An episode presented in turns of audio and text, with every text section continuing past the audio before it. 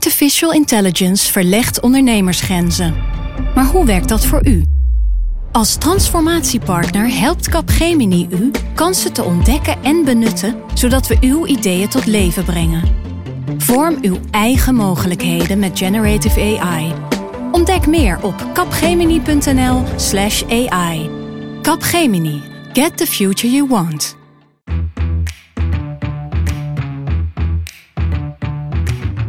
Dit is Haagse Zaken. Mijn naam is Lemja Aharwai. Als je links en rechts zou hebben, als dat nog bestaat überhaupt, en progressief en conservatief, dan staan wij daar. Ergens helemaal buiten. Helemaal daarbuiten. Want we hebben het telkens over de Partij voor de Dieren. Maar het merkwaardige is dat Marianne Thieme er ook een Partij voor de Vrouwen van heeft kunnen maken. Bij de dieren zeggen ze zelf: GroenLinks is lichtgroen en wij zijn donkergroen. En het mooie is dat wij als politieke partij de enige zijn die actief aan concurrentiebevordering doen. En mede daarom ben ik ook voorts van mening, voorzitter, dat er een einde moet komen aan de bio-industrie. Deze week gaan we het hebben over een partij die tijdens de Tweede Kamerverkiezingen van vorig jaar meer dan verdubbelde in aantal zetels. En tijdens de gemeenteraadsverkiezingen van maart dit jaar bijna verdriedubbelde in lokale zetels. En het ledenaantal steeg ook nog eens met 25% in een jaar tijd. Jos Verlaan, jij volgt de partij in kwestie voor NRC. Waar gaan we het over hebben? We gaan het hebben over de stille successen van de Partij voor de Dieren. Inderdaad, als je het zo op een rijtje ziet, Emilie van Outeren, uh, dan is het nogal wat, hè? Het is heel knap. En het is ook eh, wel bizar dat we er eigenlijk niet vaker aandacht aan besteden als een partij het zo goed doet. Vergelijk het bijvoorbeeld eens met hoeveel aandacht we besteden aan Denk, drie zetels. Forum, twee zetels. Ja, ja, nou, tijd om dat wel te gaan doen. Dat gaan we deze week doen. We beginnen zo bij de geschiedenis van de partij. We gaan het hebben over uh, wat de partij dus los van agenderen allemaal voor elkaar heeft gekregen. Uh, we praten ook over de vrouw die we kennen als het gezicht van de partij, Marianne Thieme. Die dus overigens, net als de heren die we in aflevering 28 bespraken van Haagse Zaken, al sinds 2006 fractievoorzitter is. Mind you. Maar we beginnen dus bij de geschiedenis die begon eigenlijk voor het publiek in 2002. Want toen deed de Partij voor de Dieren voor het eerst mee aan de Tweede Kamerverkiezingen. Maar Emilie, achter de schermen wordt er al veel langer aangewerkt. Ja, zeker. In 2003 deden ze voor het eerst mee aan de Tweede Kamerverkiezingen. Ze waren opgericht in 2002. Uh, overigens het jaar dat er een politicus werd vermoord door een radicale dierenactivist. Dus uh, ja, een extra spannende periode lijkt me om zo'n soort partij uh, op te richten. Maar het idee ontstond al uit mijn hoofd in 1994. Toen een aantal lobbyisten van dierenbelangenorganisaties een gesprek hadden met Nico Koffeman. Die was op dat moment uh, reclameman en, en vooral actief voor de SP. En ze zeiden, ja, wij krijgen nooit voet aan de grond hier in Den Haag. Gewoon van een half uurtje langskomen op een ministerie, bij een Kamerlid. En dan krijgen we een hand en dan gaan we weg en er verandert helemaal niets. En toen zei hij, waarom richt je niet een politieke partij op? Nou, er werd een beetje lacherig op gereageerd. Van ja, dat is natuurlijk onzinnig met wat wij doen, een politieke partij oprichten. Dat kan toch niet, dat lukt toch nooit. Maar even uitzoomen, dit is dus een reclameman die tegen lobbyisten zegt, richt een politieke partij ja, van de SP bovendien. Okay. Uh, richt een andere politieke partij op. Uh, Kofferman zit, is overigens inmiddels wel echt de Partij voor de Dierenman, zit ook in de Senaat. Uh, maar in 2002, of iets eerder, kwamen ze dus bij hem terug. Uh, en ondanks hoe slecht uh, dierenactivisme erop stond met, uh, na de moord op Fortuyn, gingen ze ervoor. In 2003 lukte het nog niet om in de Kamer te komen, maar in 2006 met twee zetels wel. Ja, je, je noemde het al. Het was de tijd van Fortuyn, waar dierenrechtenactivisme werd gezien als iets bedreigend. Hè? De IVD schreef er toen de tijd ook over. Is dat iets wat meespeelde in de beginperiode? Dat ze dachten van, is dit wel het moment om het te doen? Of is het juist niet het moment om te doen? Ja, ik heb daar verschillende verhalen over gehoord. Uh, sommige mensen zeggen dat het juist uh, door Volk van, uh, van de G kwam. Dat ze dachten, we moeten een ander beeld neerzetten van het dierenactivisme. Andere mensen zeggen, het was gewoon het moment ervoor. en ondanks wat er gebeurd was, vonden we het goed om een partij op te richten. Maar ja, dan betekent het op een gegeven moment dat er ook een lijst moet komen en een fractievoorzitter. Hoe ging dat? Ja, wat ik erover hoorde is dat ze dus dachten, nou, een nieuwe politieke partij met dit thema moet allemaal anders. Uh, laten we er een bekende Nederlander voor vragen om die lijst te trekken. Dan hebben we meteen gratis publiciteit, waar dat soort uh, actiegroepen goed in zijn. Georgina Verbaan is een naam die we hoorden. Uh, maar ja, in de discussies die er speelden, was het toch, ja, iemand moet ook iets kunnen zeggen over onderwijs of economische zaken. En het is, stel dat het lukt, het is meer dan een fulltime baan om hier in de Kamer te gaan zitten. dus toen was in het kringetje dierenactivisten die er zaten, werd opeens door iedereen naar de toen nog uh, jonge, frisse medewerker van de Bond voor Dieren gekeken. Marianne Thieme. En die dacht, ja, waarom ook niet? Ja, en ze probeerde dus. Eerst in 2003, het lukte niet. Toen in 2006 en ineens twee zetels in de Tweede Kamer voor de Partij voor de Dieren. Voor het eerst in de geschiedenis is er een partij vertegenwoordigd in het Nationaal Parlement dat exclusief opkomt voor de belangen van dieren. En dat is een historische doorbraak waar ik heel erg blij mee ben. Jos, hoe reageren andere partijen? Uh, lacherig. en badinerend vooral, kleinerend. Opmerkingen uh, vanaf uh, de blauwe zeteltjes als Marianne Thieme of Esther Alland het, het woord voerden. En het verhaal gaat dat uh, GroenLinks Marianne Thieme in ieder geval in eerste instantie serieus heeft genomen. En heeft geprobeerd om haar in te lijven bij GroenLinks. In de hoop dat daarmee het, het weglek-effect van de stem op Marianne Thieme beperkt zou oh, blijven. Kun je daar meer over vertellen? Want blijkbaar is het niet gebeurd. Het, het, Marianne Thieme heeft gewoon zelf voet aan de grond gehouden. Wat ik overigens ook want we hebben het telkens over de Partij voor de Dieren. Maar het merkwaardige is dat Marianne Thieme er ook een Partij voor de Vrouwen van heeft gemaakt. Uh, in de zin van het, uh, het, het, het, gros van uh, het electoraat is vrouw. Als ik met lijsttrekkers of politici in de landen praat, dan zijn dat. Misschien veel... een partij van de vrouwen, maar toch niet een partij voor de vrouwen? Nou, van en voor. Het, het, enige gekke is, dat, daar heb ik het wel eens met Emilie over. Uh, hoe het komt dat er zoveel meer vrouwen dan mannen op de Partij voor de Dieren stemmen, uh, is nog door niemand doorgrond. Ook niet door de, de onderzoeksbureaus qua Ipsos van deze wereld. Die, die constateren dat, dat driekwart van de stemmers op de Partij van de Dieren vrouw is, maar weten niet waarom. Valt daar, ik bedoel, een beetje speculeren. Wat, wat denk je? Uh, wij hebben het erover gehad. Ik heb gisteren, uh, nadat Emilie er een opmerking over heeft gemaakt. Uh, in Nederland is de verhouding mannelijke vegetariërs en vrouwelijke vegetariërs. Dat is 40, 60 procent. ik weet niet of het enig verband heeft, maar het is allemaal speculatie natuurlijk. Ik denk dat het misschien zo is dat vrouwen sneller uh, sympathie hebben voor een doel als de Partij voor de Dieren. Dat ze, dat, dat ze minder stemmen uit een persoonlijk economisch belang. Dat hun eigen belasting lager zou zijn. Of dat hun AOW-leeftijd anders is. Ik denk dat dat uh, mee zou kunnen spelen. Wat ook meespeelt is dat de Partij voor de Dieren veel kiezers trekt die niet eerder stemden. Dat zijn jongeren, maar ook mensen die gewoon hun vertrouwen in de politiek kwijt zijn. En zich thuis voelen bij een principiële partij als de Partij voor de Dieren. Uh, ja, opkomst is altijd onder mannen altijd hoger dan onder vrouwen. Dus het, ze boren ook een nieuwe groep aan. Mm -hmm. Waarmee ze niet alleen kiezers trekken uh, van andere partijen, maar ook kiezers van de niet-stemmers. Het interessante is natuurlijk wel dat het weglek-effect bij GroenLinks, wat je noemde, eigenlijk heel erg mee slash tegenvalt. De Partij voor de Dieren heeft het zo geweldig gedaan in 2017 en 2018. Met vijf zetels in de Kamer en, en die groei in de gemeenteraden. In twee jaren dat GroenLinks het ook historisch goed gedaan heeft. Ja, er wordt vaak een vergelijking gemaakt met GroenLinks. Hè? Uh, hoe terecht is die? Er zijn raakvlakken. Uh, maar als je heel goed naar de verkiezingsprogramma's kijkt, dan denk ik dat inhoudelijk er meer raakvlakken zijn tussen de Partij voor de Dieren en de SP. In ieder geval als het om het sociaal-economische blok gaat. Mm -hmm. En als je her en der waar de SP nu uh, groot is in uh, gemeenteraden in de landen.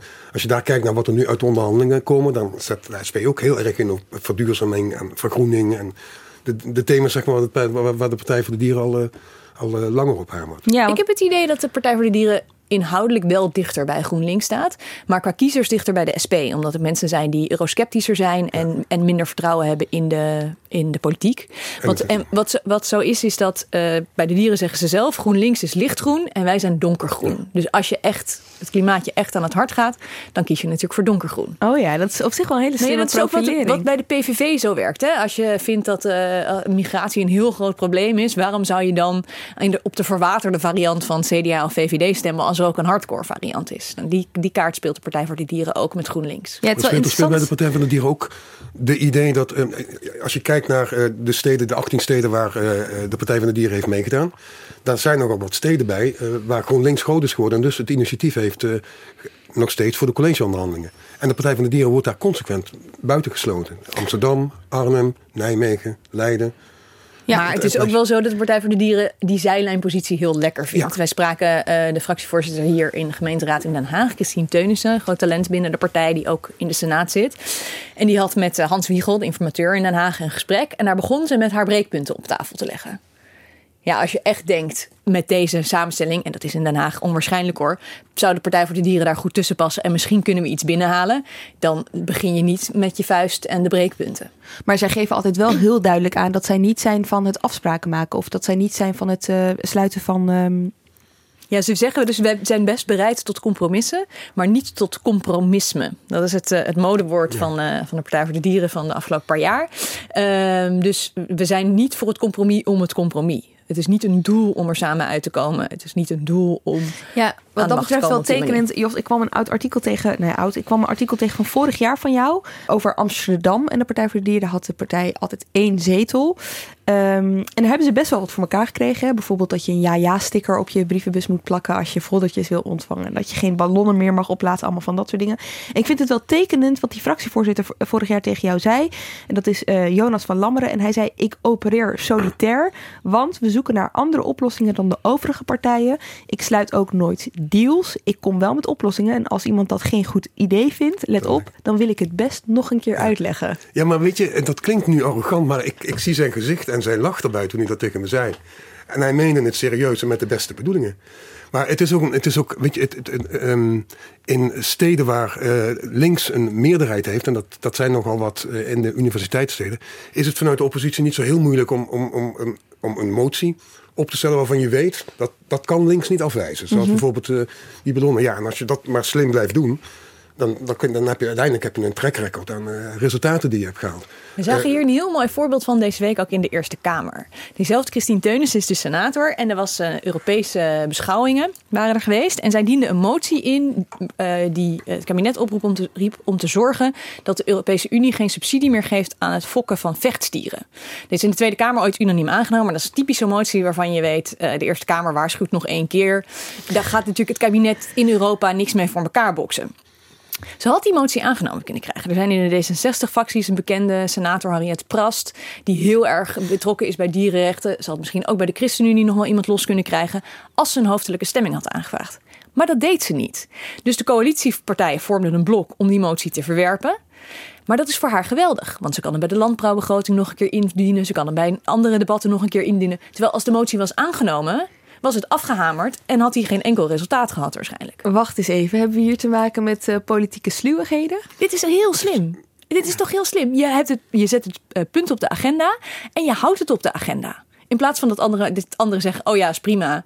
En misschien, tactisch gezien, hè, kan je dit ook omdraaien. Zou het slim zijn als er wat meer moties van de Partij voor de Dieren gesteund werden, die niet dusdanig realistisch zijn dat ze ook direct zouden worden uitgevoerd, omdat ze daarmee een, een wapen uit handen wordt genomen.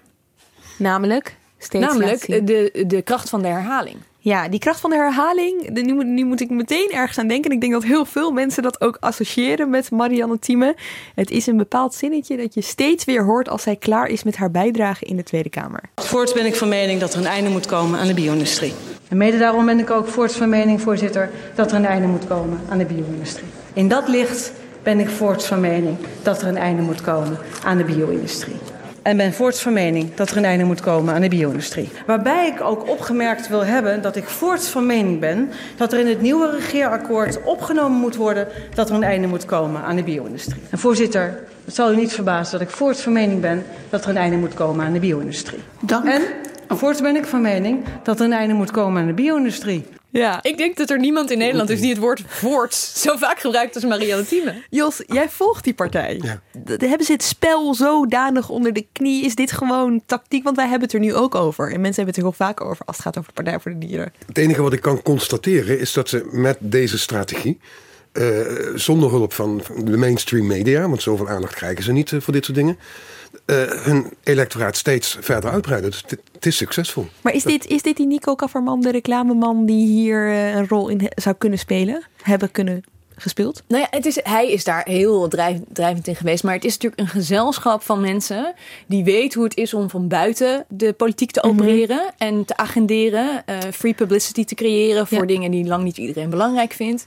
Dus uh, ja, het is een combina combinatie daarvan. Ja, want Jos, kun je ook vertellen als je het vergelijkt met andere partijen, is dit nou een partij waar je makkelijk binnen kan, kan lopen? Nee, het is, het is een. Het is, uh, het schijnt vroeger nog, nog sterker te zijn, maar het is een tamelijk naar binnen gerichte partij. Wat betekent dat in de praktijk? Dat, je krijgt ze niet heel makkelijk te spreken. Uh, de perswoordvoerders wachten hun moment af uh, om te reageren. En dat moet dan in hun straatje passen. Ze hebben communicatie die, die, die, waar je echt over moet nadenken. Omdat, omdat je die niet vaak hoort voordat je begrijpt wat ze zeggen. Oh ja, vertel. Hoe, ziet dat eruit? Is het ja, heel technisch? Gaat, heel... Nee, het is niet technisch, maar met, met begrippen en doctrines die van niet de mijne zijn. Dat heb Ja. ik geleerd nu ik die partij volg. Ja. Dat- Zoals wat jij net zei, van we zijn niet tegen compromissen, maar we zijn tegen compromisme. Ja, dan moet je toch even, echt even denken van wat is nou het verschil? Ja, ze hebben ook zo'n uitdrukking de hele tijd dat ze de haas in de wedstrijd zijn. En dat betekent dus, hetzelfde, dus de hele tijd dezelfde punten agenderen voor de troepen uit. Maar ja, ik moet het opzoeken hoor, wat het betekent. Maar, maar Jos, als jij team een sms'je stuurt, krijg je dan antwoord? Nee. Dat, gaat, dat, nee, dat is allemaal vrij hiërarchisch, eh, in principe vrij hiërarchisch geregeld. En kan dat bij andere partijen wel? Het verschilt natuurlijk erg per partij. Ik merk wel dat er bij de Partij voor de Dieren een zeker wantrouwen is. Wat tegen eh, pers en ik denk gewoon tegen establishment. En niet geheel onterecht. Er worden ook een beetje vervelende, rare, denigrerende opmerkingen over ze gemaakt. ehm, waar we het zo nog wel over kunnen hebben. Maar ik merk wel een soort wantrouwen. Ook ik had laatst, was ik bezig met een reconstructie over donorwet. En die wet heeft het gehaald in de, in de Tweede Kamer omdat Frank Wassenberg, Kamerlid van de Partij voor de Dieren, afwezig was. Daar kennen we hem van. Ja, dit is waarom we Frank Wassenberg kennen. Maar ik wilde gewoon graag met hem nog even bespreken wat er nou destijds precies gebeurd was. Hij had een trein gemist, maar hoe kon dat nou? Wist hij niet dat er stemming was? Nou, ik kon, ik kon bij hem langskomen en eh, dat- dat was allemaal prima en vriendelijk. Maar hij weigerde me te vertellen waar hij nou geweest was die dag.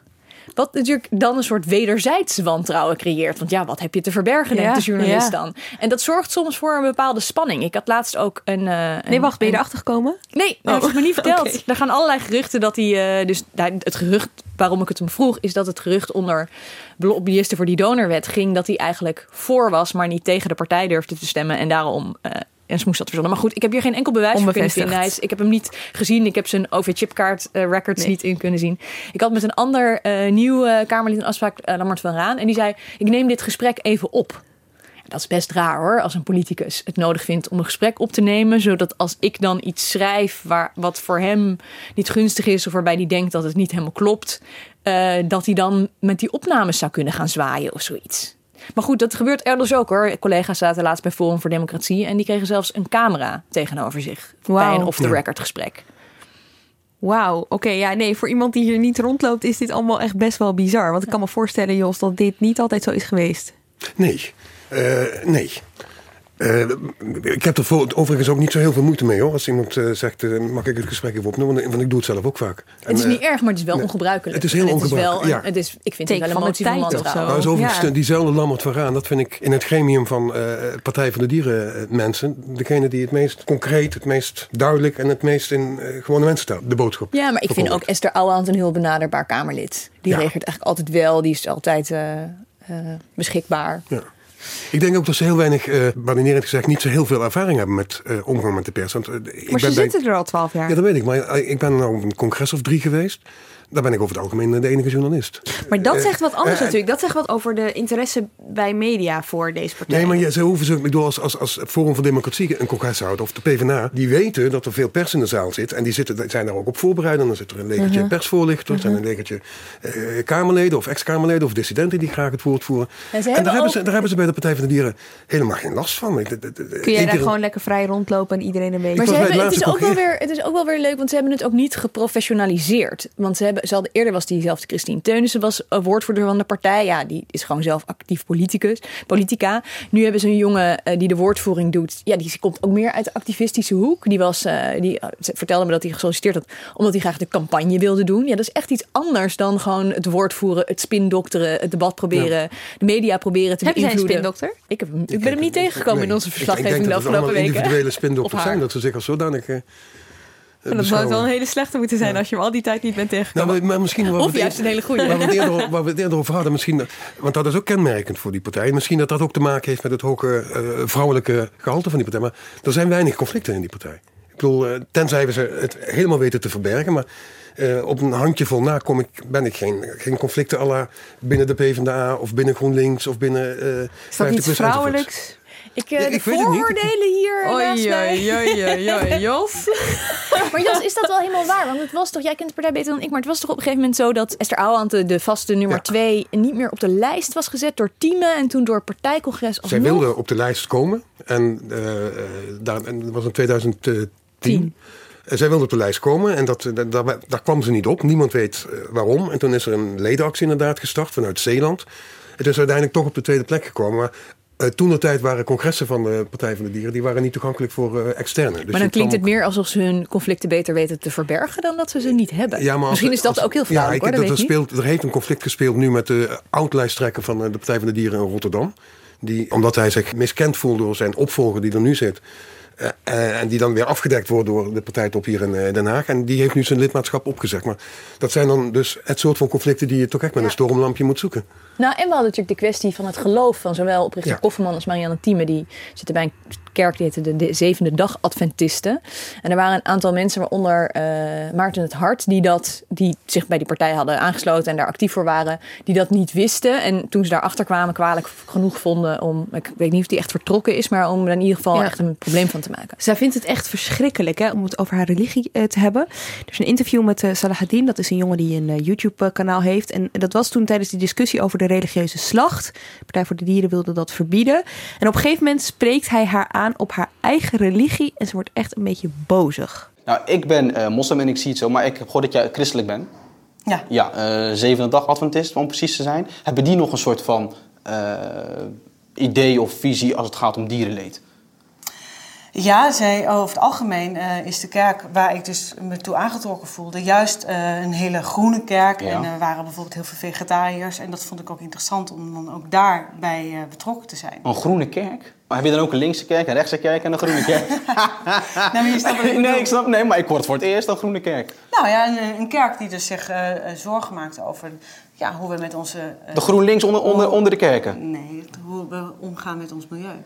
Kijk, ik denk dat elke religie ja? heeft, uh, denk ik als uitgangspunt... dat je humaan om moet gaan met, uh, met dieren en met mensen. Maar dat vind je ook bij het humanisme, en dat vind je in het christendom... dat vind je in de islam, en dat vind dan, je nee, bij dat, nee, nee, dus, dat begrijp ik. Maar, maar ik vind voor het mij is dat dus dat vind ik een belangrijke constatering. Mm -hmm. En verder ben ik leider van een seculiere politieke partij. Nee, nee, dat dus begrijp ik. Maar... Niet, dus ik spreek namens al die mensen, met al die verschillende achtergronden... die willen dat dierenleed ophoudt. Ja, maar het is toch helemaal niks mis mee om te zeggen... dat je vanuit je geloof bijvoorbeeld ja, een bepaalde visie hebt? niks mis mee, maar, maar ik vind het ook niet nodig om uh, het over mijn geloof te hebben... aangezien ik hier sta als partijleider en niet als privépersoon. Oké, okay. dus, dus gaat het, is het echt zo gevoelig? Nou ja, kijk, ik heb wel eens eerder eens heel open gesproken over mijn geloof. Ja. En uh, toen werd, daar wordt er heel snel een karikatuur van gemaakt. Of, uh, Man, zijn wij, dat zijn wij moslims wel gewend hoor. Ja. ik bedoel, je hebt wel tegen een moslim.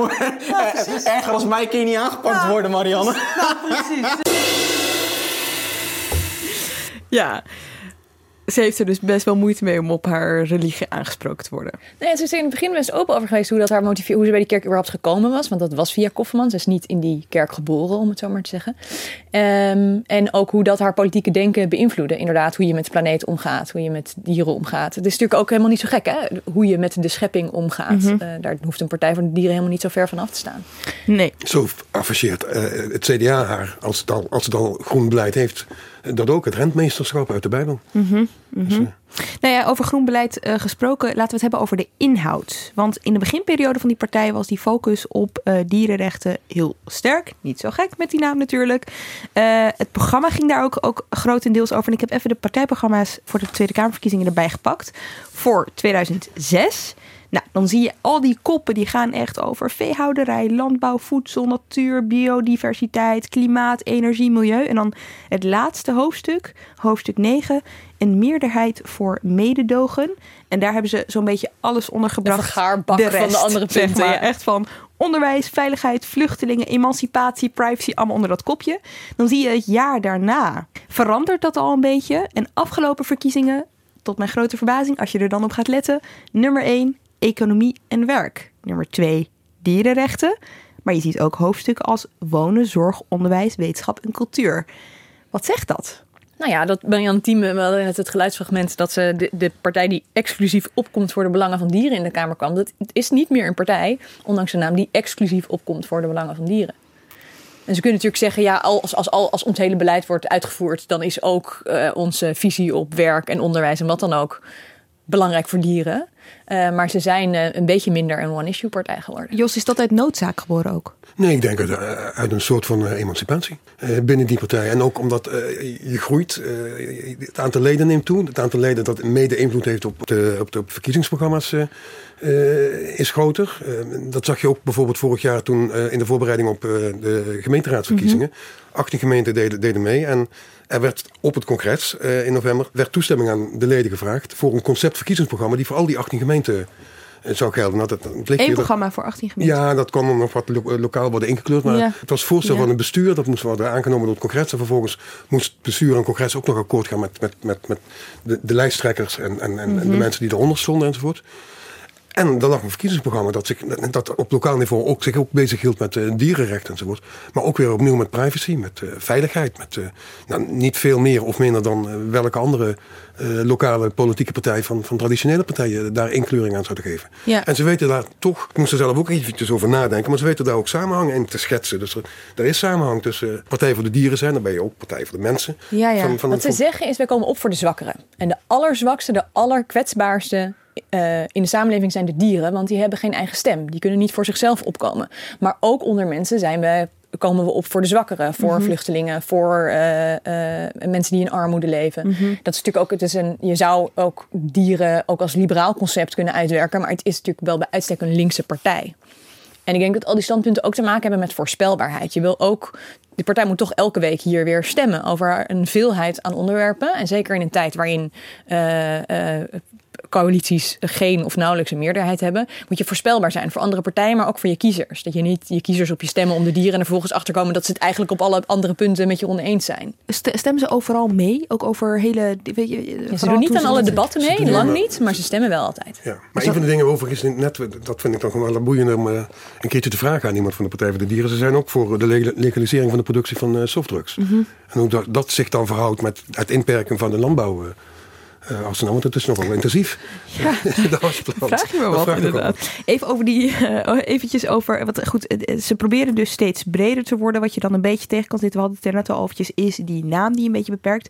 En wat opvalt, de afgelopen twaalf jaar is die naam regelmatig onderwerp van gesprek. Gaat het met de dieren in de Kamer? In de Kamer? Ja, er zijn muizen, begrijp ik. Maar voor de rest eh, worden de dieren in de Kamer en door de Kamer, door onze fractie goed behandeld. Door de dierenpartij. Ja, nou goed, alles went. Maar overigens, de Partij van de Dieren heeft nog wat meer gehaald. De laatste stand daarvan weet ik niet. Je hebt een heleboel dieren. Nou, eh, hebben toch nog wat zetels, eh, in elk geval wat stemmen getrokken. Maar geen zetel, geen honden in de Tweede Kamer. Eh, natuurlijk zou ik bijna willen zeggen, komt ook de vraag van Remy de Wit. Wat is uw lievelingsdier? Ja, dat is, daar zijn Ja. mensen heel erg geïnteresseerd in. Ja. ja, kinderen ook. Er zegt iemand, zei, Joris van den Heuvel, die zei: Wat is uw lievelingsdier? Ik zelf houd erg van tonijn. Maar dat Ja, wordt steeds duurder in de supermarkt. Ja, er zijn heel veel mensen. Ik hou heel erg van dieren, maar wel op mijn bord. Ja, ja, ja, die kennen dit is ook, ja, ik vond toch, Ja. moest ik er even om lachen. Hier aan tafel, we hebben het eigenlijk nog helemaal niet gehad over de Partij voor de Dieren. Nee. Nou, dat is typisch zijn- een partij die altijd onder de radar blijft een beetje. Die zijn wel bezig met een stille opmars in de gemeente, al eh, langer denk ik. Als ik even naar de, naar de exit polls kijk, in Amsterdam gaan ze van 1 naar 3. In Den Haag, volgens de voorlopige uitslag, voorlopige tellingen daar, van 1 naar 3. In Utrecht van 1 naar 2. Ik weet niet hoe het in Ze doen het goed in steden waar, waar, waar het minst dieren zijn eigenlijk. Waar de minste... Waar de minste Ja, nou, veel. Art, Artis in Amsterdam. Nou, wij hebben in Den Haag heel veel... Ik kan je melden, we hebben in Den Haag heel veel katten. Oké. Ja, dit laatste was dus gewoon tijdens de afgelopen gemeenteraadsverkiezingen. Met andere woorden, De 12 NOS op verkiezingsavond. Ja, twaalf jaar nadat die partij in de Kamer zat. Jongens, hoe kan dit? Is, is het hun eigen gesloten houding waardoor, waardoor ze wat minder interessant zijn voor media? Of Nee, ik denk dat dit de dédain van, van, van de Haagse journalistiek is. Ik, ik, ik heb er geen andere verklaring voor. Ja, dit zegt meer over de media dan over de Partij voor de Dieren, denk ik. Maar het was ook, eh, die avond eh, zag het er naar uit dat ze in Amsterdam van 1 naar 3 gingen. Eh, dat was bijna 4 trouwens, maar goed. Daar zag je ook, ik was de enige eh, die bij, op de verkiezingsavond van de Partij voor de Dieren in Amsterdam, na, met één journalist nog van het Perron. Terwijl de, de- de partijen die, die kleiner uiteindelijk ook bleken te zijn, hè, Denk heeft het minder goed gedaan dan de Partij voor de Dieren. in Forum, Amsterdam alle eh, aandacht gekregen. Noem het allemaal maar op, daar, daar, daar, was het eh, vliegen afvangen, mediatechnisch gezien.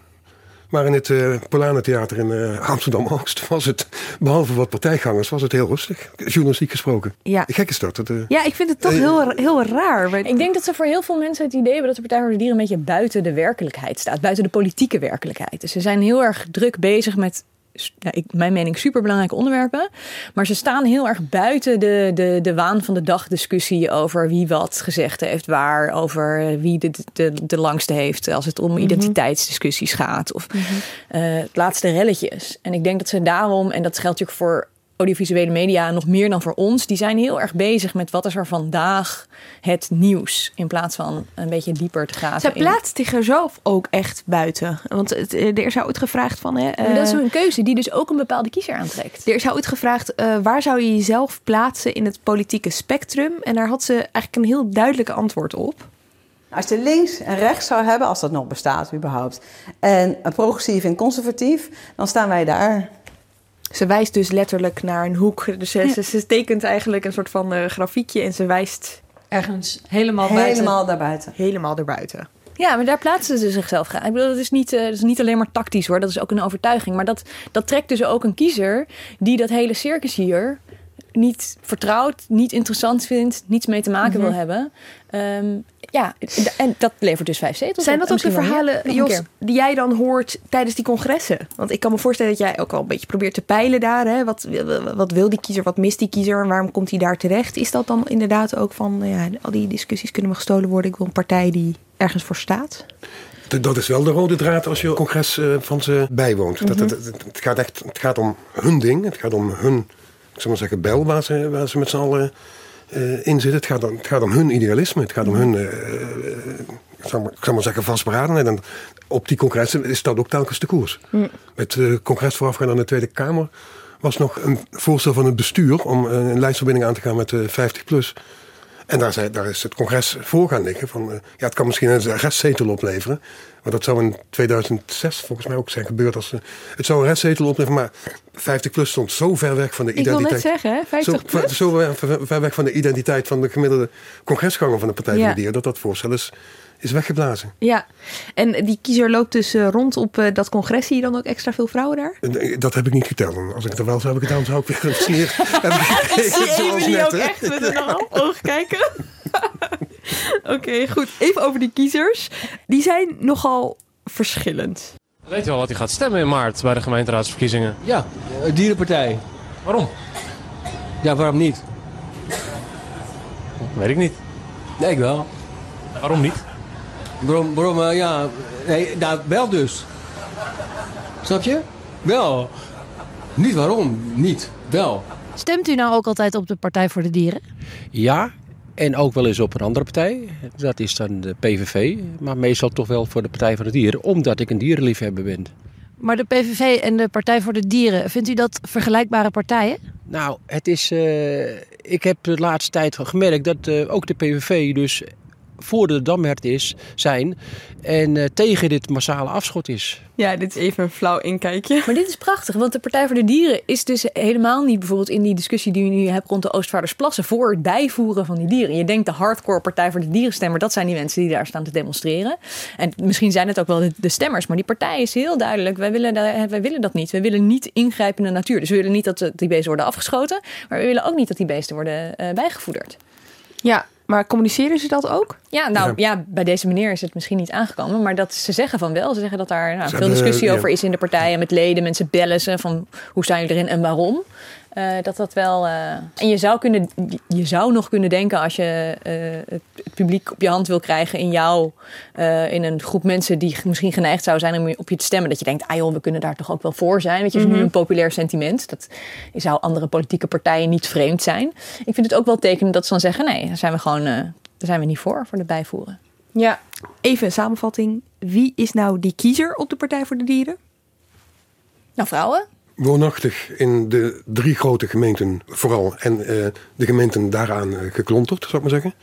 Hoog opgeleid, begreep ik ook? Ja, hoog en laag opgeleid. Uh, zegt ze zelf in ieder geval. Want als je naar de data kijkt, dan zijn ze gemiddeld opgeleid. Maar volgens, als je mensen van de Partij voor de Dieren zelf spreekt, dan hebben ze dus het idee dat het relatief veel echt hoogopgeleiden zijn en relatief veel echt Ja. laagopgeleiden. En nu ga ik iets heel gevaarlijks doen, maar stel het is een, eh, we moeten er, ik haat het woord, maar we moeten er een eikpersoon bij verzinnen.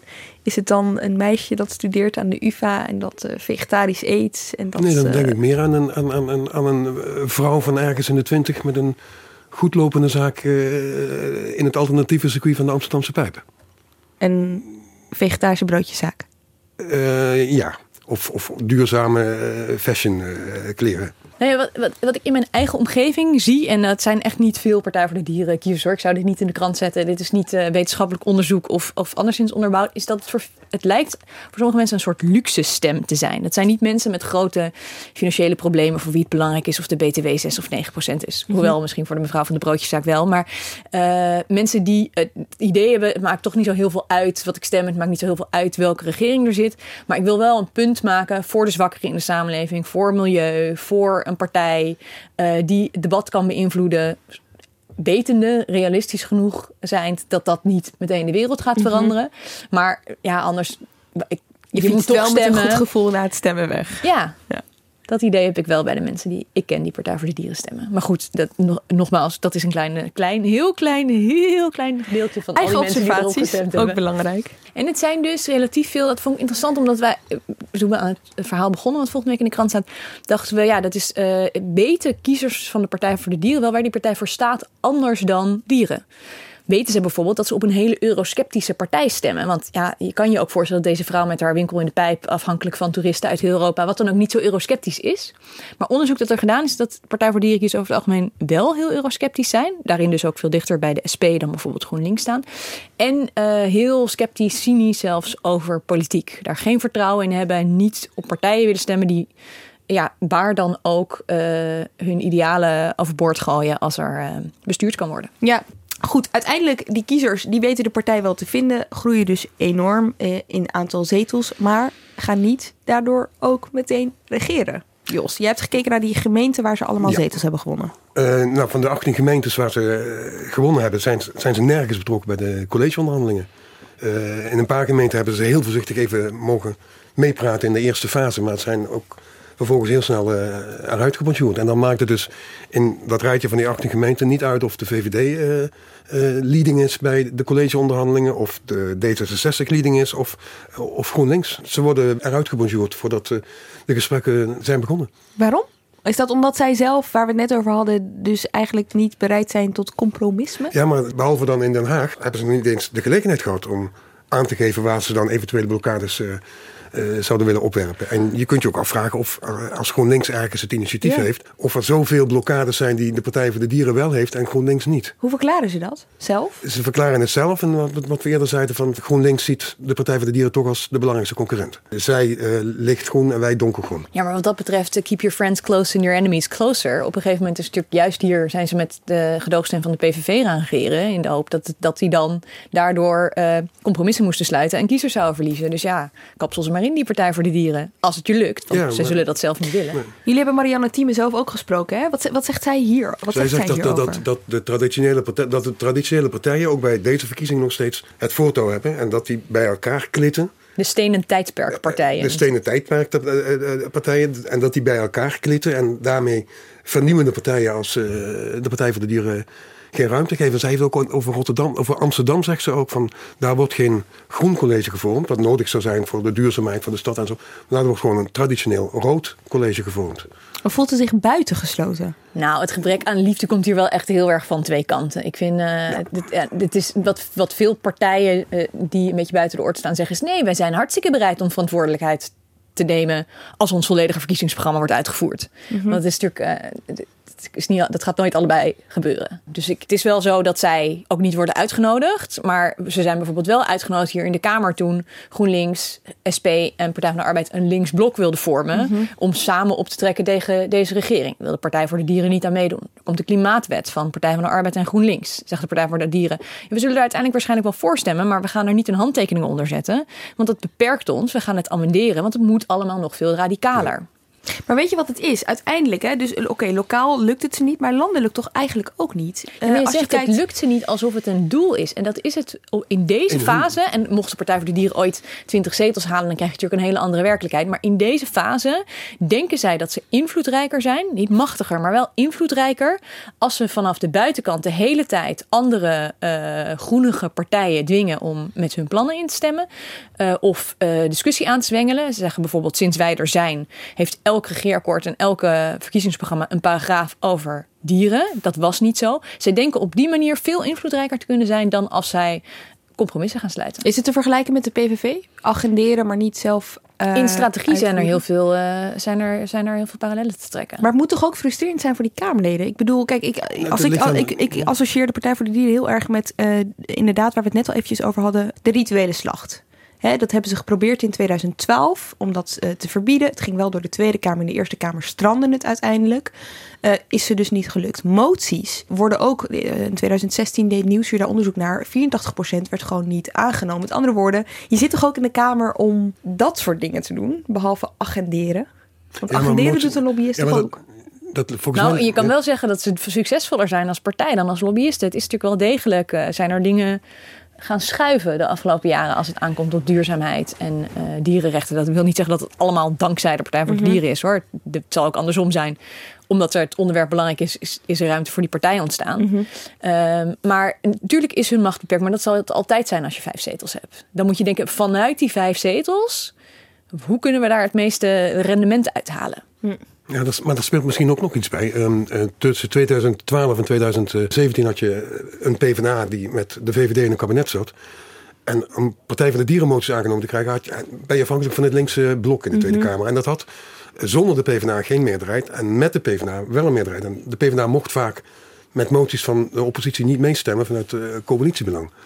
Je zag het laatste jaar van eh, Rutte 2 dat, eh, zeker als het om duurzaamheid en ecolo- ecologie en eh, milieu ging, dat de PvdA makkelijker mocht meestemmen en zich minder in, in de coalitieverhoudingen hoefde te vinden. Toen zag je ook dat er veel meer moties in het laatste jaar pas werden aangenomen vanuit de hoek van de oppositie en dus ook vanuit de Partij van de Dieren dan in de jaren daarvoor. Dat zie je Dus nu die- natuurlijk met D66, die eerder wel misschien voor moties van de Partij voor de Dieren stemden. Lang niet allemaal hoor.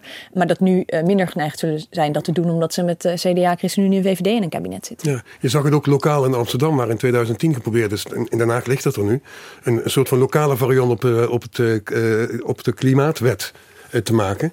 En daar had de Partij van de Dieren in Amsterdam op enig moment eh, eh, een meerderheid voor in het, in het college door de linkse partijen en D66 bij elkaar op te tellen. En toen werd D66, die in een college zit met de VVD, teruggefloten. Die mocht niet mee ondertekenen. Ja, dan, dan strandt zoiets. Maar het is gewoon, denk ik, voor die partij telkens zoeken, net als voor de rest van de oppositie, naar, naar, naar, slimme constructies om moties aangenomen te krijgen. En ja, soms lukt dat uit eh, coalitieoverwegingen niet. Maar Soms ook wel. Soms- overigens, soms overigens, dus ook wel. overigens blijven uh, Thieme en Kofferman allebei best wel laconiek onder dat die moties dus zo vaak niet worden aangenomen. Mijn verwachting was dat eh, wanneer je een Partij voor de Dieren zou oprichten, dat het andere partijen zou kunnen inspireren om te denken: Nou, dat is vervelend dat er mensen zijn die een Partij voor de Dieren eh, oprichten en ons concurrentie aandoen, wij duurzame partijen, en dat ze daardoor harder zouden gaan lopen voor dierenwelzijn. We hebben wel nog even uitgerekend dat 84% van uw moties in de afgelopen tien jaar is weggestemd. Ja, maar dat maakt helemaal niet uit. Want een half jaar later komen de andere politieke partijen met hun eigen motie met dezelfde strekking. Wij zijn erg van de concurrentiebevordering wat dat betreft. En het mooie is dat wij als politieke partij de enige zijn die actief aan concurrentiebevordering doen. Dus wij proberen die andere partijen zover te krijgen dat ze onze programmapunten overnemen. Concurrentiebevordering is het toverwoord. Ja, dat is net zo'n mantra als eh, tegen compromisme. Dat is, welke politicus van de Partij voor de Dieren je ook spreekt, dat komt in ieder geval een keertje op tafel.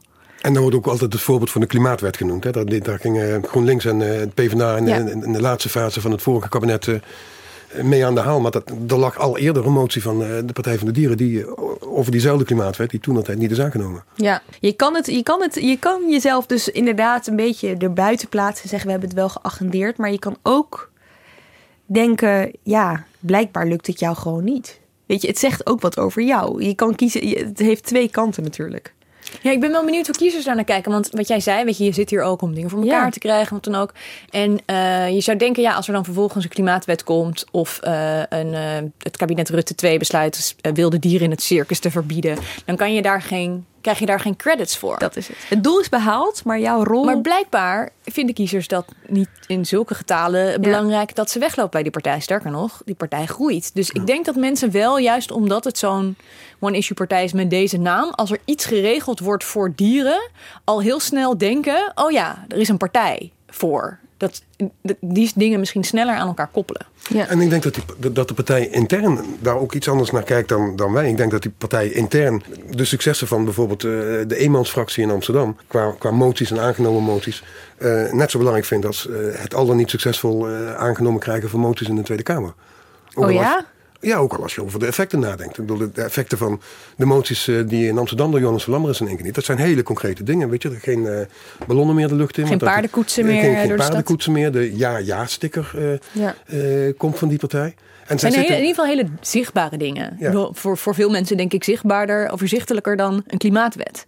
En die eh, religieuze slacht is ook zoiets waar iedereen wel een, een beeld bij heeft. En dat ik, dat, die wet is uiteindelijk niet aangenomen in de Eerste Kamer. Ligt overigens een nieuwe variant van bij de Raad van State.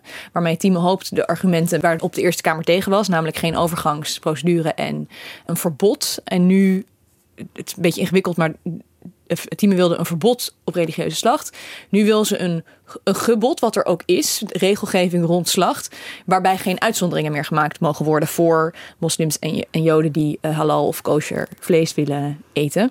Maar daar hebben ze, dat- ik vond het heel knap dat, je, dat, ze hier zo, dat ze daar zo'n meerderheid voor kregen. Maar ook hoe ze dus opeens alle andere partijen die zo klem zitten in die identiteitsdiscussie, dwongen om een keuze te maken. Er zijn natuurlijk veel partijen, PVV, VVD, die misschien nog wel met enig gemak zeggen: ja, nee, we vinden niet dat eh, dieren voor moslims anders geslacht mogen worden. Maar ho, het raakt ook Joodse mensen. Dus dat, elke partij kwam, kwam daar eigenlijk mee in problemen met mensen in de eigen achterban en moest daar een hele ingewikkelde keuze in maken. En die hele discussie krijgen we binnenkort dus opnieuw. En het is mij nog niet duidelijk hoe andere partijen daarin staan. Of ze eh, nadat de Eerste Kamer het heeft verworpen zijn teruggekomen Ja. op hun keuze. Dat zagen we bijvoorbeeld bij eh eh eh, nertse fokken, wat toen op een gegeven moment weer door de rechter werd verboden. En toen zeiden alle partijen, oh ja, nee, we wilden daar ook helemaal geen verbod op. Of dat ze juist denken, ja, we hebben toen aangezegd, we moeten nu ook B zeggen. Eh, maar dat is natuurlijk best een spannende discussie gaat? tussen godsdienstvrijheid en, eh, en dierenrechten. Ik denk dat hetzelfde dilemma van toen de tijd weer terug gaat komen. Ja. Met die verstande dat er in de tijd een heel moeizaam compromis in de Eerste Kamer eh, over is gemaakt. Met regelgeving waar een ritueel slachten dan minimaal aan moest voldoen. En dan blijkt keer op keer uit onderzoek en rapporten van eh, de toezichthouders dat die regelgeving niet wordt nagekomen. Ik denk dat elke eh, zichzelf respecterende partij die toen de tijd betrokken is geweest bij dat compromis en die regelgeving, dat hij goed naar zichzelf moet kijken en dat ook zal doen eh, rond de vraag van eh, er is dus daadwerkelijk Ja. iets heel erg fout in de besluitvorming van in de tijd geweest. Dat moeten we op enige wijze repareren. Vind die ja, Tieme partij- zegt vindt die bijvoorbeeld partij ook, hoe het, kan je nou, als partij kan je moeilijk zeggen dat je hoofddoeken wil verbieden, eh, ge- gelaatsbedekkende kleding wil verbieden, eh, wat toch voor de identiteit veel belangrijker is dan dat je ingrijpt in de slacht van dieren. Vindt die partij het ingewikkeld dat ze daarmee dus ook... Want kijk, je, je kan er niet omheen. Dit, gaat, dit wordt parallel gevoerd, eh, de- deze discussie, aan de identiteitsdiscussie. Vindt die partij dat ongemakkelijk? Zouden ze dat eigenlijk gewoon er liever los van trekken? Ik, ik denk dat, dat de partij zelf het helemaal vreemd in, eh, in het dierenwelzijn eh, plaatje. Weet je wel, het criterium van de, die 40 seconden pijn mogen hebben. Dat mocht niet meer dan 40 seconden zijn dat, dat, een, dat een slag duurt. Volgens de Partij voor de Dieren of is dat de huidige Nee, wet? dat was de, de praktijk. Ja. Maar dan, dit- er gaat, wordt vaak over die 40 seconden heen gegaan. En toen ik dat, toen ik dat las en hoorde, toen heb ik op enig moment zelf even 40 seconden zitten aftellen. En zitten afvragen van als ik nou 40 seconden echt pijn heb, hoe lang is dat dan? Nou, Mhm. Ik weet niet hoe bij dieren is, maar bij mij was dat heel lang. En ik denk dat heel veel mensen er zo naar kijken. En ik denk dat binnen de Partij van de Dieren... dat die niet zo bezig zijn met eh, wat dat nou wel of niet betekent... eh, richting eh, joden of, of, of moslims. Maar dat is, het, dat is typisch iets helemaal vanuit... eh, Ja, Maar je maar Partij krijgt voor de er Dieren antwoord hierop is natuurlijk ja, als je gewoon geen vlees eet, is het altijd kosher en halal. dat is waar, inderdaad. Kun je niet omheen. Ja, is ook zo. En het gezicht van dit alles is dus Marianne Thieme. We gaan het nog eventjes kort over haar hebben. Zit dus al 12 jaar in de Kamer als fractievoorzitter van eh, de Partij voor de Dieren. En voordat die de partij er was, en ze mocht al wel stemmen toen ze 18 was natuurlijk. Ja, toen koos ze dus blijkbaar voor een heel andere partij. Ik kan me herinneren dat ik de eerste keer VVD stemde. Omdat uh, Ed Nijpels toen destijds als eerste minister van Milieu aandacht vroeg voor de groene onderwerpen. Maar eigenlijk kijk ik altijd naar die partij die het groenste uh, is. Past dit een beetje bij het profiel dat jullie van haar hebben geschetst in jullie hoofd? Nou, het team is natuurlijk best een. Uh, komt denk ik, ik ken haar achtergrond niet heel hoor, maar uit een, een, eerder uit een liberaal dan uit een linksnest. Ze heeft rechten gestudeerd in Rotterdam, waar ze ook lid was van het studentenkoor. Heeft aan de Sorbonne in Parijs gestudeerd. Dit is niet uh, iemand die uh, met een per se hele linkse of achtergestelde uh, achtergrond. En ze, er zijn wel meer mensen in die partij die uh, van de VVD afkomstig zijn. Mhm. Ik zag haar stom toevallig uh, stemmen op in maart in haar eigen plaats, Maarsen. Toevallig? Want wat heeft, wat heeft ze nou gestemd? Want de Partij van de Dieren kwam daar niet voor op de stembiljetten. Heb je het niet gevraagd? Ik heb het niet gevraagd. Misschien toch. Ze ging lokaal stemmen volgens mij. Ik zat die avond daarvoor met haar bij Pauw en toen zei ze, ze wisten nog niet, maar waarschijnlijk ging ze lokaal stemmen. Ze zit er dus ook al echt twaalf jaar. Hè? Uh, dat vergeten we nog wel eens. Tenminste, ik vergeet het nog wel eens. Ze lijkt nog steeds heel nieuw of zo. Dat komt misschien wel omdat ze zich dus steeds buiten die hele politieke discussies uh, weet te plaatsen. Wordt er wel eens, Jos, gesproken over haar houdbaarheidsdatum? Als je dat binnen de partij bij mensen aan de orde stelt, dan, dan heb je een, een, een, een niet existerende vraag gesteld. Dat, Echt? Het, het, wordt niet op prijs gesteld, het, het, het wordt weggewoven. Daar geven ze dan wel weer een heel politiek antwoord op. Hè? Team zelf ook. We vroegen haar dat. Van ja, ben je, weet je, wat ga je hierna doen? Ben je er zelf wel eens mee bezig? Of je nog uh, de beste persoon bent om de, om de kar te trekken? Zei ze, ja, we zijn natuurlijk heel erg bezig met talentontwikkeling. Nou, dat is altijd het antwoord wat je bij elke politieke partij uh, krijgt. Maar ik heb niet het idee dat dat, uh, dat dat speelt voor ze. Wat je zegt, ze is nog niet versleten. Zoals we op sommige andere partijleiders misschien op een gegeven moment een beetje uitgekeken raken. En waarmee die inderdaad dan hun houdbaarheidsdatum benaderen. Omdat die zo op de voorgrond Ja, die, die, die, dat zie je bij Rutte, die dan nu nog ver dreigt een vierde kabinet te willen leiden. Je ziet het bij Alexander Pechtold. Nou, jullie hebben uh, hier laatst uh, hun, hen en Wilders besproken. Aflevering 28. Uh, ja, ja, luister hem terug. Maar bij, ja, bij Tieme hoor je dat eigenlijk niet. En ik heb ook niet het idee dat er iemand klaar staat. Maar goed, dat weten we bij andere partijen ook onvoldoende hoor. Dat er iemand klaar zou staan om haar op te volgen. Jos, Esther Ouwehand is toch wel een uh, vaak gezien Kamerlid? Ja, maar, ja. maar of die ook geschikt is om, om, om, om het gezicht van, van de partij te Mhm. mm -hmm. Toen ik uh, op de verkiezingsavond in Amsterdam was, toen uh, schoot dat door mijn hoofd die Jonas van Lammeren. Dus daar wel een man. Not again. maar die, zou, ik bedoel, die, die, heeft, die heeft wel de power. Uh, dezelfde, die straalt een beetje hetzelfde ook uit als, Ja. als uh, Marianne Thieme. Ja, hij, wordt, hij wordt wel echt gezien als een groot, uh, als een geschikt iemand. En die- ik vind dus ook die Christine Teunissen die in Den Haag in de raad zit en in de Senaat, is ook zo iemand die uh, in die partij erg opklimt. Maar ja, ze zullen zeker niet tegen ons zeggen dat ze er Nee. mee bezig zijn. Als het wel zo is, is het ook een beetje moeilijk. uh, Nou ja, kijk, eh, er is een Europese droom, hè, Jos. Ja. In, eh, in aankomende juni wordt, daar, eh, wordt, wordt dat gelanceerd. Vertel er eens wat meer over. Wereldwijd zijn, heeft de Partij van de Dieren zusterpartijen. Die ook vanuit Nederland, vanuit de Partij van de Dieren hier in Nederland, eh, financieel en organisatorisch eh, in het zadel getrokken worden en ook in het zadel eh, gehouden worden. Nou leeft er de idee dat je vanuit de acht of negen Europese landen waar een Partij van de Dieren eh, bestaat, een soortgelijke als, als hier in eh, Nederland, dat je daar een pan-Europese partij van zou kunnen maken. En daarmee dan ook eh, zou kunnen scoren bij de Europese verkiezingen, dus in het Europese parlement. En daar, ik weet dat Tieme daar ontzettend veel aandacht en energie in besteedt. eh, Ook, ook, ook met, eh, met, met, met reizen Ja, ze hadden nog een congres en- in en- Zweden en- en- vorige week. ja. En eh, in juni hebben ze iets Ja. in Brussel ze organiseren met z'n allen. Het is niet van al die partijen duidelijk of ze echt mee gaan doen in, eh, bij de Europese verkiezingen die volgend jaar zijn. Of ze daar al klaar voor zijn. Mhm. De partijen in België en Zweden zijn vrij jong. Maar het is wel interessant omdat er natuurlijk veel onderwerpen zijn die eh, pan-Europees zijn. Het Mhm. landbouwbeleid wordt grotendeels vanuit Europa gedaan. En er zou ook in het verdrag van Lissabon zijn vastgelegd dat eh, tradities beschermd moeten worden. Ook als die aan dierenwelzijn raken. Denk aan stierenvechten. Of de voorkeur. Ja, foie gras. Dus dat, ehm foie gras als traditie. Dus, dus daarvoor zou het, eh, eh, eh, zou het een onderwerp kunnen zijn. En ook, ja, zij zijn dus ook echt een eurosceptische partij, beweging. Dus daar, dat, dat zou ook nog kiezers kunnen aantrekken. En wat belangrijk is, veel landen, bijvoorbeeld Duitsland en Spanje, hebben een hele hoge kiesdrempel om in het nationale parlement te komen. En dat heeft Brussel niet. Dus het kan dat partijen die thuis nog niet zoveel voet aan de grond krijgen, maar goed, daarom ook nog onbekender zijn dan onze Partij voor de Dieren, dat in Europa wel krijgen. Ja. Jos, je had het net over de financiering van die partijen. eh, Ja, het gekke is dat... ja, dat- je dat- dat vertelde me daar iets heel interessants de- over. Ja, dat, dat- voor, voor de stimulering van, van die eh, mondiale Partij voor de Dierenbeweging. En, en dus eh, voor het helpen oprichten van Partij voor de Dieren in Moldavië, Australië, weet ik maar niet. Daar, heeft, daar is hier in Nederland en door de Partij van de Dieren een stichting voor in het leven geroepen. En die stichting die krijgt geld van het ministerie van Buitenlandse Zaken. Om in het kader van het bevorderen van de democratie waar ook ter wereld. Om, om, om op die manier dit soort eh, Dat is partijen... toch echt... Dus Stef Blok bizar. uni- financiert de wereldwijde beweging om meer partijen voor de dieren op te Ja, richten. hij zou ook wel gek zijn als hij dat niet doet. Want als de VVD eenzelfde beweging mondiaal op liberale gedachtegoed uh, wil stimuleren, dan kan, die ook, kan zijn partij ook van, dat, Eh, van daar die subsidie voor krijgen. eh, Fascinerend. Ja, hè? Maar goed. Dus wij Europa- betalen allemaal nee. Eh, als jij belasting betaalt Ah, wel. nou ja. Nou, Emilie, ben je wat kwijt? Zou wel een spetterend einde zijn van, dit, van deze aflevering van Vandaag de Zaken. Nou ja, met, met, dat, met, dat, met die Europese dimensie vind ik het wel grappig dat eh, als je de verkiezingsprogramma's allemaal bij elkaar optelt, gaat zo dadelijk in 18 gemeenten gaat, eh, de bitterbal verboden worden, want dat staat in, in het verkiezingsprogramma. En, en, en Europees de foie gras en uh, aanvullende zaken. En, Het raakt ons allemaal, hè? En dan Het raakt raakt ons op ons bord. raakt het ons allemaal op ons bord. Eh, goed, dank jullie wel. Emilie van Outeren en Jos Verlaan.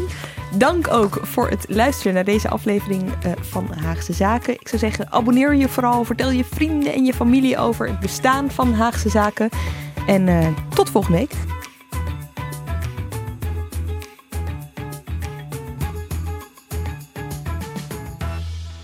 Je hebt aardig wat vermogen opgebouwd. En daar zit je dan, met je ton op de bank. Wel een beetje saai, hè? Wil jij, als belegger, onderdeel zijn van het verleden of van de toekomst? Bridgefund is een slimme fintech die een brug slaat tussen de financiële behoeften van ondernemers en van beleggers.